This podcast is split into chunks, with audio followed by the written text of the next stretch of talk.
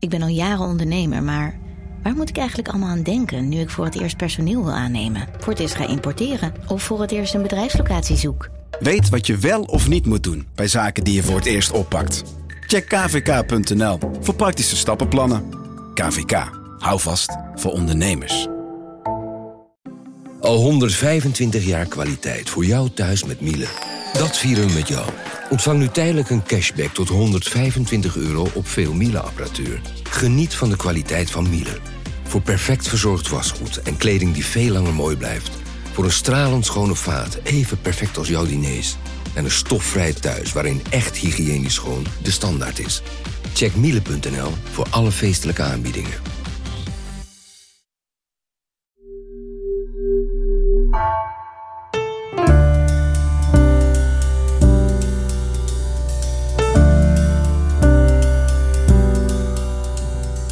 Welkom bij Tussen de Regels, een podcast van NRC over boeken en schrijvers. Mijn naam is Michel Krienaars.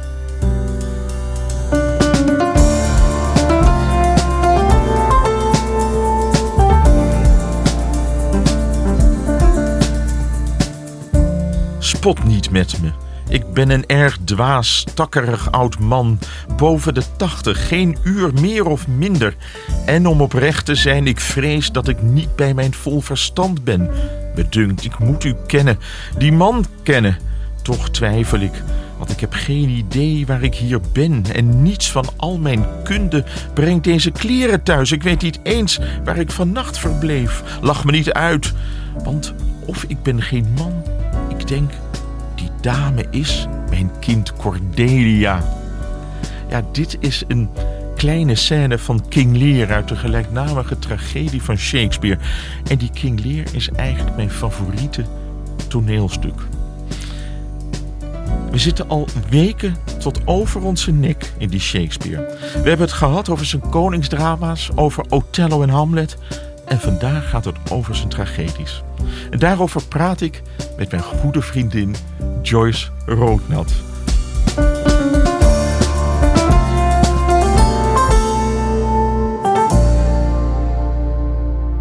Joyce, welkom. Je bent jarenlang ja, theaterrecensent geweest. Ja. En je hebt heel, eigenlijk alle to- belangrijke toneelstukken ter wereld gezien. En ook die Shakespeare. Ja, zeker. Die komt elk jaar terug. Het is ook, het is, hij is ook een publiekstrekker. Hè? Als, als een gezelschap niet zo goed gaat en ze doen Shakespeare, dan komen toch altijd weer mensen op af. De magie van die stukken is blijkbaar tijdloos en onweerstaanbaar. Je hebt gekozen voor Shakespeare's tragedies. Ja. Wat maakt die zo goed? Nou, kijk, ja, tragedies zijn sowieso interessant omdat ze te maken hebben met het lot. Hè. Je hebt het noodlot, speelt altijd een enorme rol. Er gebeurt iets, eh, je kunt een goede afslag nemen. Maar het lot bepaalt dat je de verkeerde afslag neemt. Je doet het verkeerd, je, je maakt de verkeerde keuze en je weet het. Dat is eigenlijk al je tragiek. Je, al die hoofdpersonen van alle tragedies, ook van de Griekse tragedies, weten dat ze fout zitten en ze doen het toch. Dat vind ik mooi. Maar Shakespeare's tragedies voor mij gaan allemaal over de liefde. En dat is wel iets anders. Dat is dus een rode draad die je hebt gevonden. Ja, nou, ja dat, dat denk ik. Eh, en ik zal het er ongetwijfeld in leggen, maar ik zie dat. Dus King Lear, waar jij zo dol op bent, die draait om de idiote vraag: wie houdt het meest van mij, van mijn kinderen? En ehm, eh, dat zijn dus drie kinderen, drie, Drie dochters. dochters. En eentje, twee daarvan, die, die liegen. En die, eh, die zeggen, ik hou zoveel van je als het, dus, dus het, als het zout enzovoort. En Cordelia, de jongste, die weigert antwoord te geven. Want die, dat is, die, die gaat niet uitleggen hoeveel ze van iemand houdt. En dat is eerlijk, maar dan heeft ze het gedaan. En dan verstoot hij dus het kind wat hem het liefste is. Vanwege deze idiote vraag naar de liefde. Hamlet, prins Hamlet, dat draait op. Niemand houdt van mij. Dat denkt hij. Niemand houdt van mijn moeder niet. eh, Ophelia niet. Die, althans, die, die test hij. Niemand houdt van mij. En dat is zijn noodlot. Hij maakt een grote vergissing. Alles kan goed komen. Maar hij denkt dat niemand van hem houdt. Dan heb je Macbeth. Dat lijkt meer een koningsdrama. Maar voor mij is dat een tragedie. Want dat gaat voor mij vooral over Lady Macbeth. Meer dan over Macbeth die op haar instigatie iedereen en niemand vermoordt. zij is een bidsprinkhaan. Zij is weg van Mac- Macbeth. Dat is ik houd van jou en ik vernietig je. Uit liefde. De bidsprinkhaan, de, na de liefdesdaad, vreet het vrouwtje spring, bidsprinkhaan het mannetje op. En dat is, eh, eh, hoe heet ze, Lady Macbeth. En dan heb je Othello, dat is de gekste van, het, van die tragedies. Othello heeft een vrouw waar hij dol op is en zij op hem. En toch is hij gevoelig voor het argument: ze houdt niet genoeg van je. En dat wordt ingezet door een vijand van hem, die een truc pleegt, waardoor hij de indruk heeft dat zij niet genoeg van hem houdt. Het is zo op te lossen. En dat doet hij niet. Verkeerde afslag. En dan heb je Romeo en Julia. Dat is natuurlijk het liefdesdrama. En daar staat, dat, dat draait voor mij helemaal om de zin Romeo, wherefore art thou Romeo? Waarom ben je Romeo? Waarom houd ik van jou?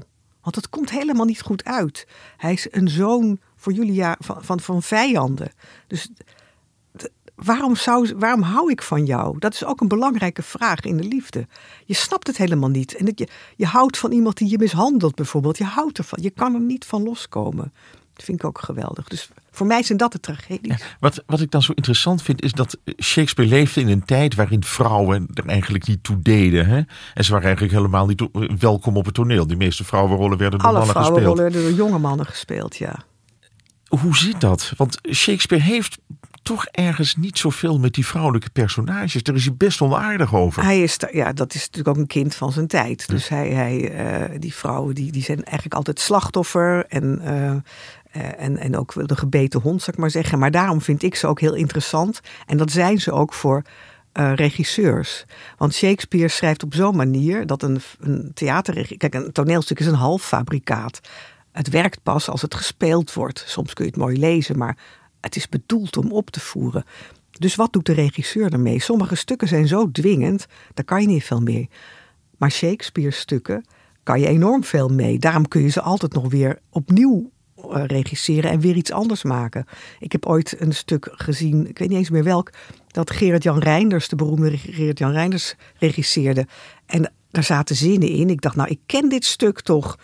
Maar die zin heeft hij natuurlijk zelf bedacht. Maar het stond er allemaal in. Maar door zijn manier van regisseren kwam het eruit. Dus dat, kan altijd. En een goede regisseur pakt natuurlijk juist die vrouwenrollen om er iets mee te doen. Daar zit de ruimte. Als je, als je iets wilt veranderen en, of, of iets wilt interpreteren, dat is geen veranderen. Je doet iets met die tekst. En op die manier wil ik er ook naar kijken. En ik zie in de vrouwenrollen enorme tragische heldinnen.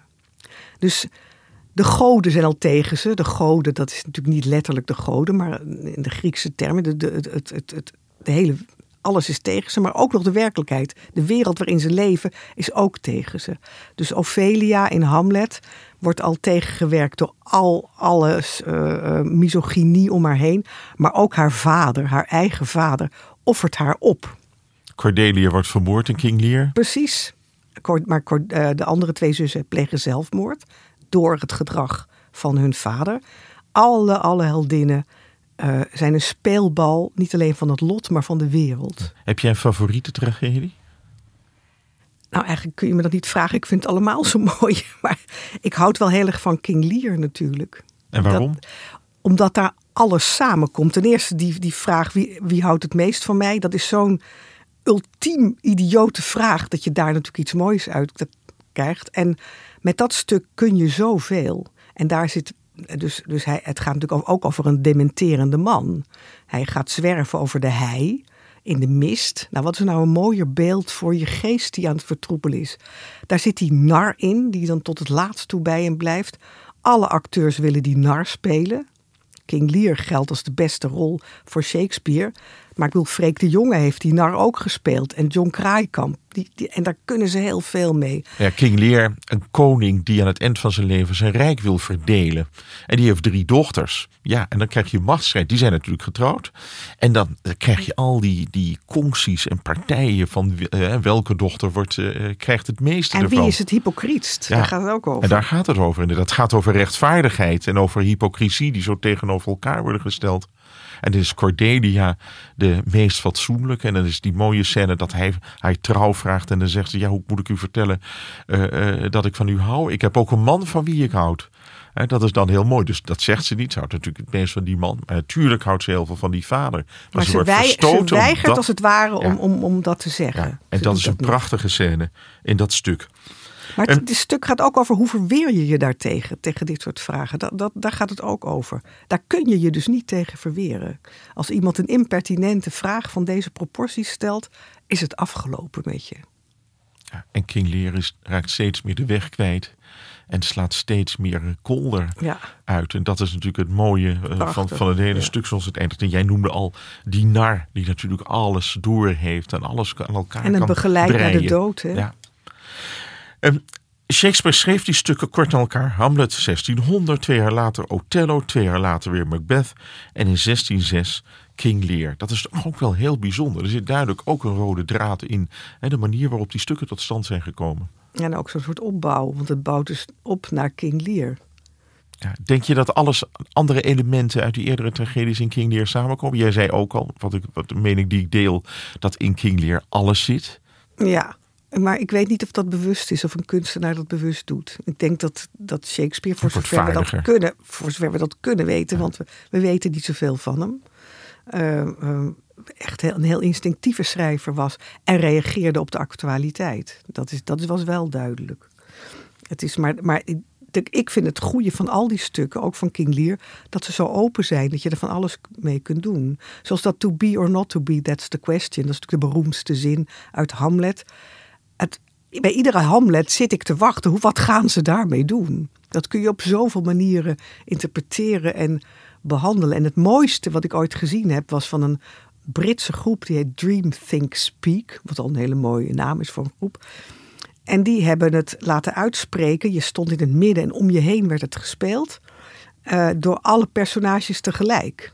Dus die ineens in koor zeggen. Dus en de koning en de koningin en Hamlet en iedereen. Ophelia en de vader. To be or not to be, that's the question. En je denkt ja, maar dat is natuurlijk ook de enige vraag in het leven die ertoe doet. Ja, terwijl je aanvankelijk denkt, als je die tekst leest, dan gaat het, moet Gaat ik een het- held, moet ik de dood van mijn, de moord op mijn vader Precies, breken. je kunt het ook heel direct Ja. lezen van Hamlet, die, die, die denkt, wat moet ik doen? Maar als, je het, als het met z'n allen om je heen, dus je wordt, we werden als het ware ingesloten als publiek door die vraag, door iedereen, dat was een waanzinnig effect. Want ook de vraag, moet ik, een, moet ik mezelf durven te zijn of moet ik eindigen als een slappe kantoorklerk? Ja, en is het erg? En, en, en kun je van iedereen vragen om zo moedig te zijn om zijn stiefvader te vermoorden en zijn moeder? Wat kan dat? Bestaan spoken, want hij krijgt de opdracht van een geest. Laten we beginnen met Macbeth. Hoe zit dat stuk precies in elkaar? Dat is een vrij ingewikkeld stuk, maar het is dus generaal van Schotland die met die eh, ook weer door de mist over de hei. En dan heb je, denk je, ja, dat, dat is hetzelfde als bij King Lear. Die is natuurlijk in geestelijk in verwarring, denk je dan. Galoppeert.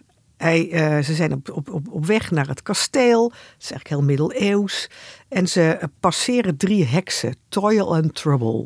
Die, die, die heksen zijn griezelige eh, figuren. Er is een verfilming van Roman Polanski van Macbeth die misschien niet zo geslaagd is, maar zijn heksen zijn grote naakte oude vrouwen die je direct doen denken aan de middeleeuwse eh, fresco's in eh, Italiaanse kerken.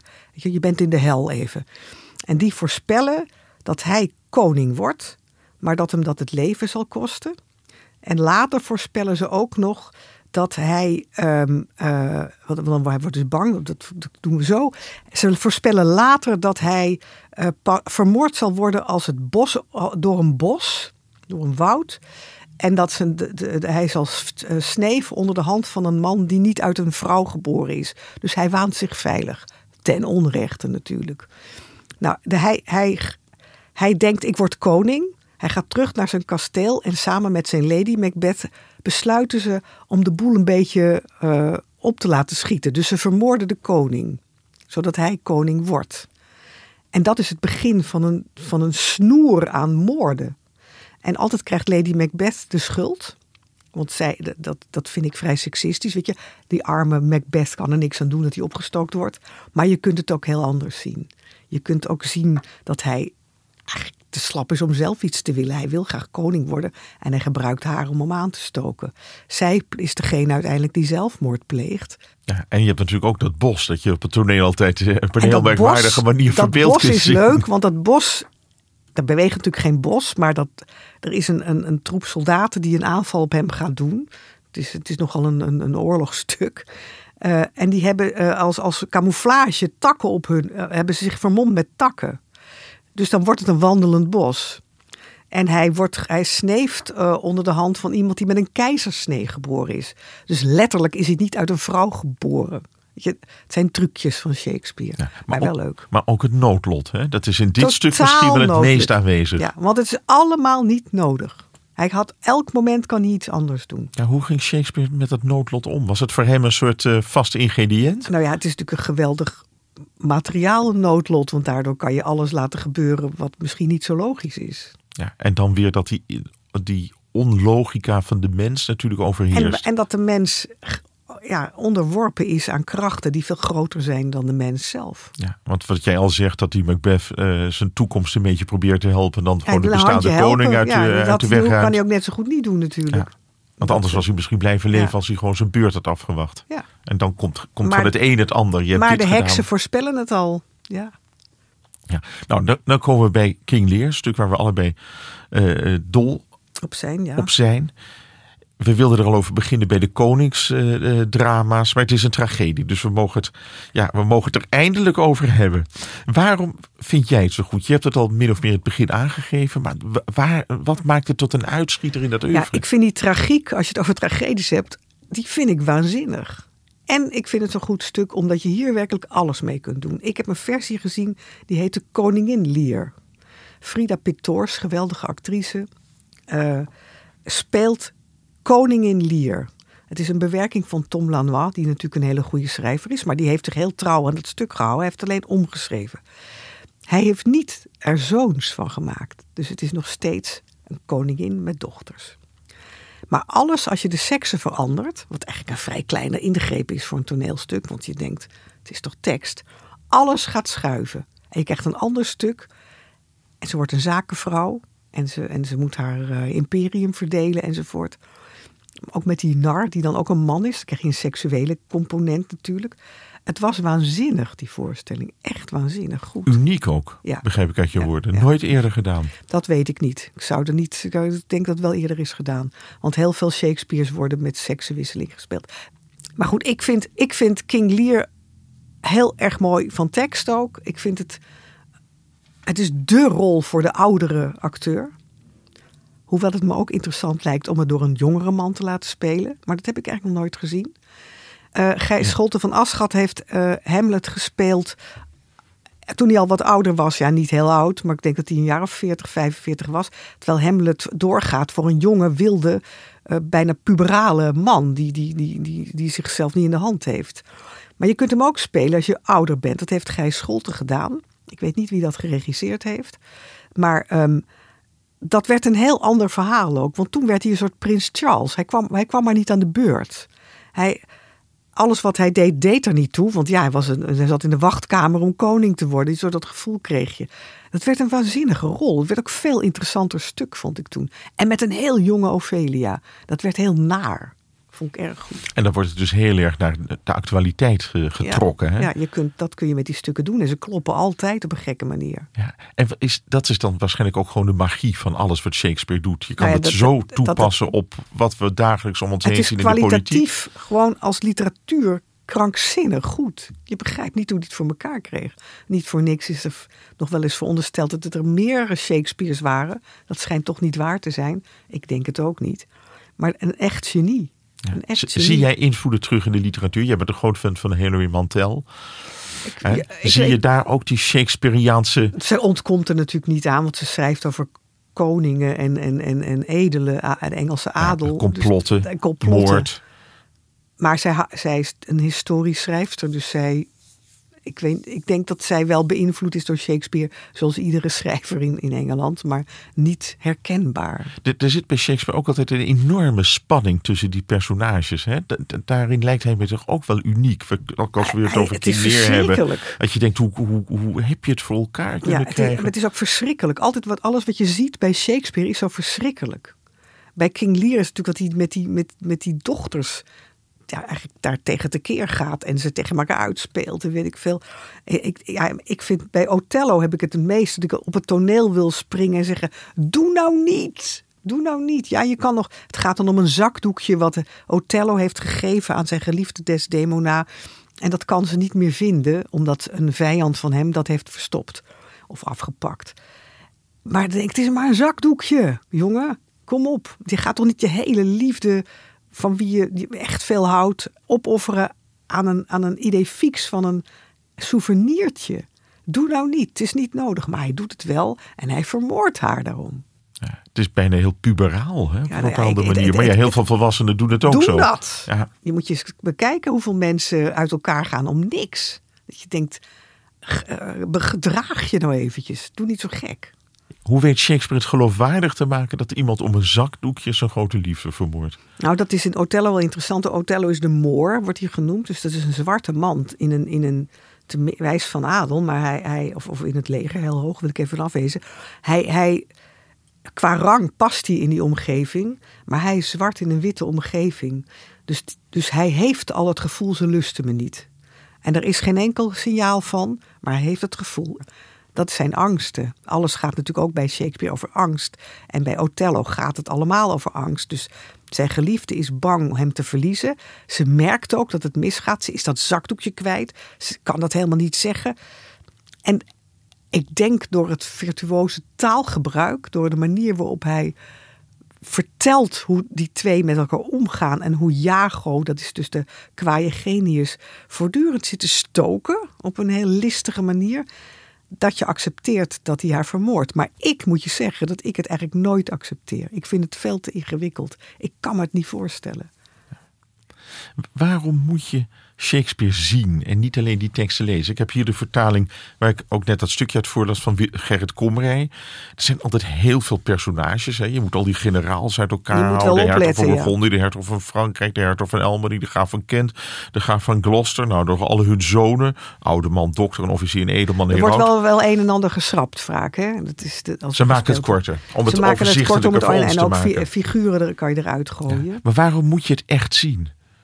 Nou ja, omdat het zo'n goed materiaal is om te regisseren. Kijk, het is prachtige taal, maar ja, moet je je heel erg concentreren. En ik weet niet wie dat allemaal. Ik breng het niet op om urenlang, want het zijn ook lange stukken, zo goed te luisteren dat ik alles goed hoor. Vandaar dat ik op een gegeven moment dacht: die zin zit er helemaal niet in. Die heeft die regisseur zelf gemaakt. Maar het gaat om het accent. Dus die, kan, die bepaalde zin zat er wel in. Alleen de regisseur had hem eruit gehaald. Naar voren gehaald. Je moet het alleen al zien hoe, om hoe te kijken hoe ze het voor elkaar krijgen. Dat is er één. Eh, je moet het zien om, om te merken dat die taal heel krachtig is. Je moet het ook zien om te zien dat, eh, hoe machtig theater is. Je, je, je leest het, je kunt het lezen, je kunt het lezen als een soort verhaal. Maar als je het ziet, zie je toch iets heel anders. Is het dan ook zo dat als je een verfilming ziet van een Shakespeare-stuk, dat het toch minder is dan wanneer je in de zaal zit? dat vind ik helemaal niet. Het wordt altijd gezegd. Als je een goede Shakespeare-verfilming wilt zien, dan ga je naar de films van Kenneth Branagh. Branagh schrijf je. Dat is een echte Shakespeare-man. En alle eh, eh, adaptaties op film van hem zijn fantastisch. Is ook Richard Echt. III met Ian McKellen? Ja, Ook van hem inmiddels allemaal van geweldig hem. natuurlijk. Al, maar alles. Hij, alles wat hij heeft gedaan op, op film en Shakespeare is geweldig. En, en wat, wat nu net nog maar een half jaar uit is, is van een van de gebroeders Cohen. Dat is een curieuze tweeling eh, die altijd vreemde films maken. Mensen kennen dat wel. Die heeft de, een, de helft van die tweeling heeft eh, Macbeth ge- ge- verfilmd. Met Frances McDormand erin geweldig. als Lady Macbeth. En dat is zo goed. En in de Midwest van de Verenigde Staten. Nee, helemaal klassiek. Prachtige decors, wat alleen maar blokken zijn. Middeleeuws. Helemaal middeleeuws. Maar wel dat je het bijvoorbeeld altijd koud hebt terwijl je zit te kijken. Geen grapjes, geen mooie kleren. Het is echt kaal. En dan hij laat het aankomen op die taal en op die acteurs. En het is geweldig. Laten we naar een fragment uit die film luisteren. Duncan is in his grave.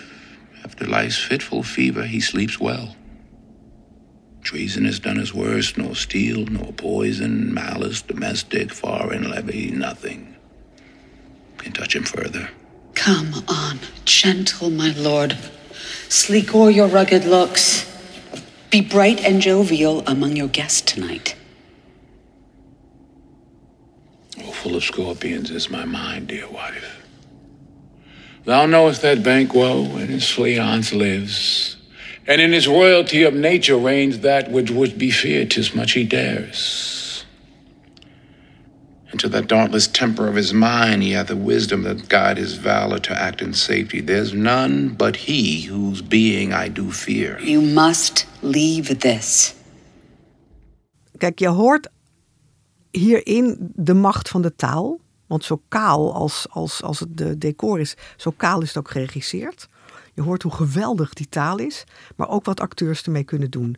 Uh, uh, Macbeth is Denzel Washington. Op dit moment is in het Filmmuseum uh, een hele serie films te zien als zomerprogramma van Denzel Washington.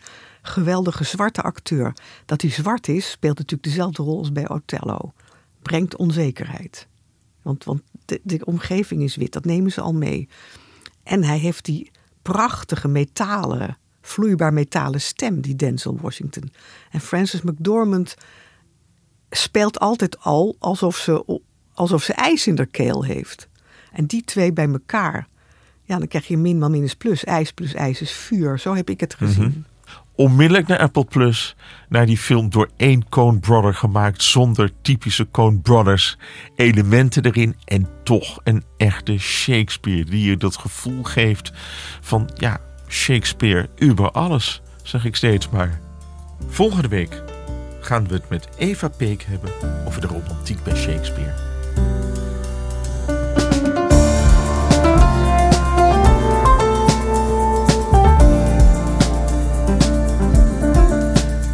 U luisterde naar een podcast van NRC. Deze aflevering is gemaakt door Maartje Willems. De editor is Jeroen Jaspers.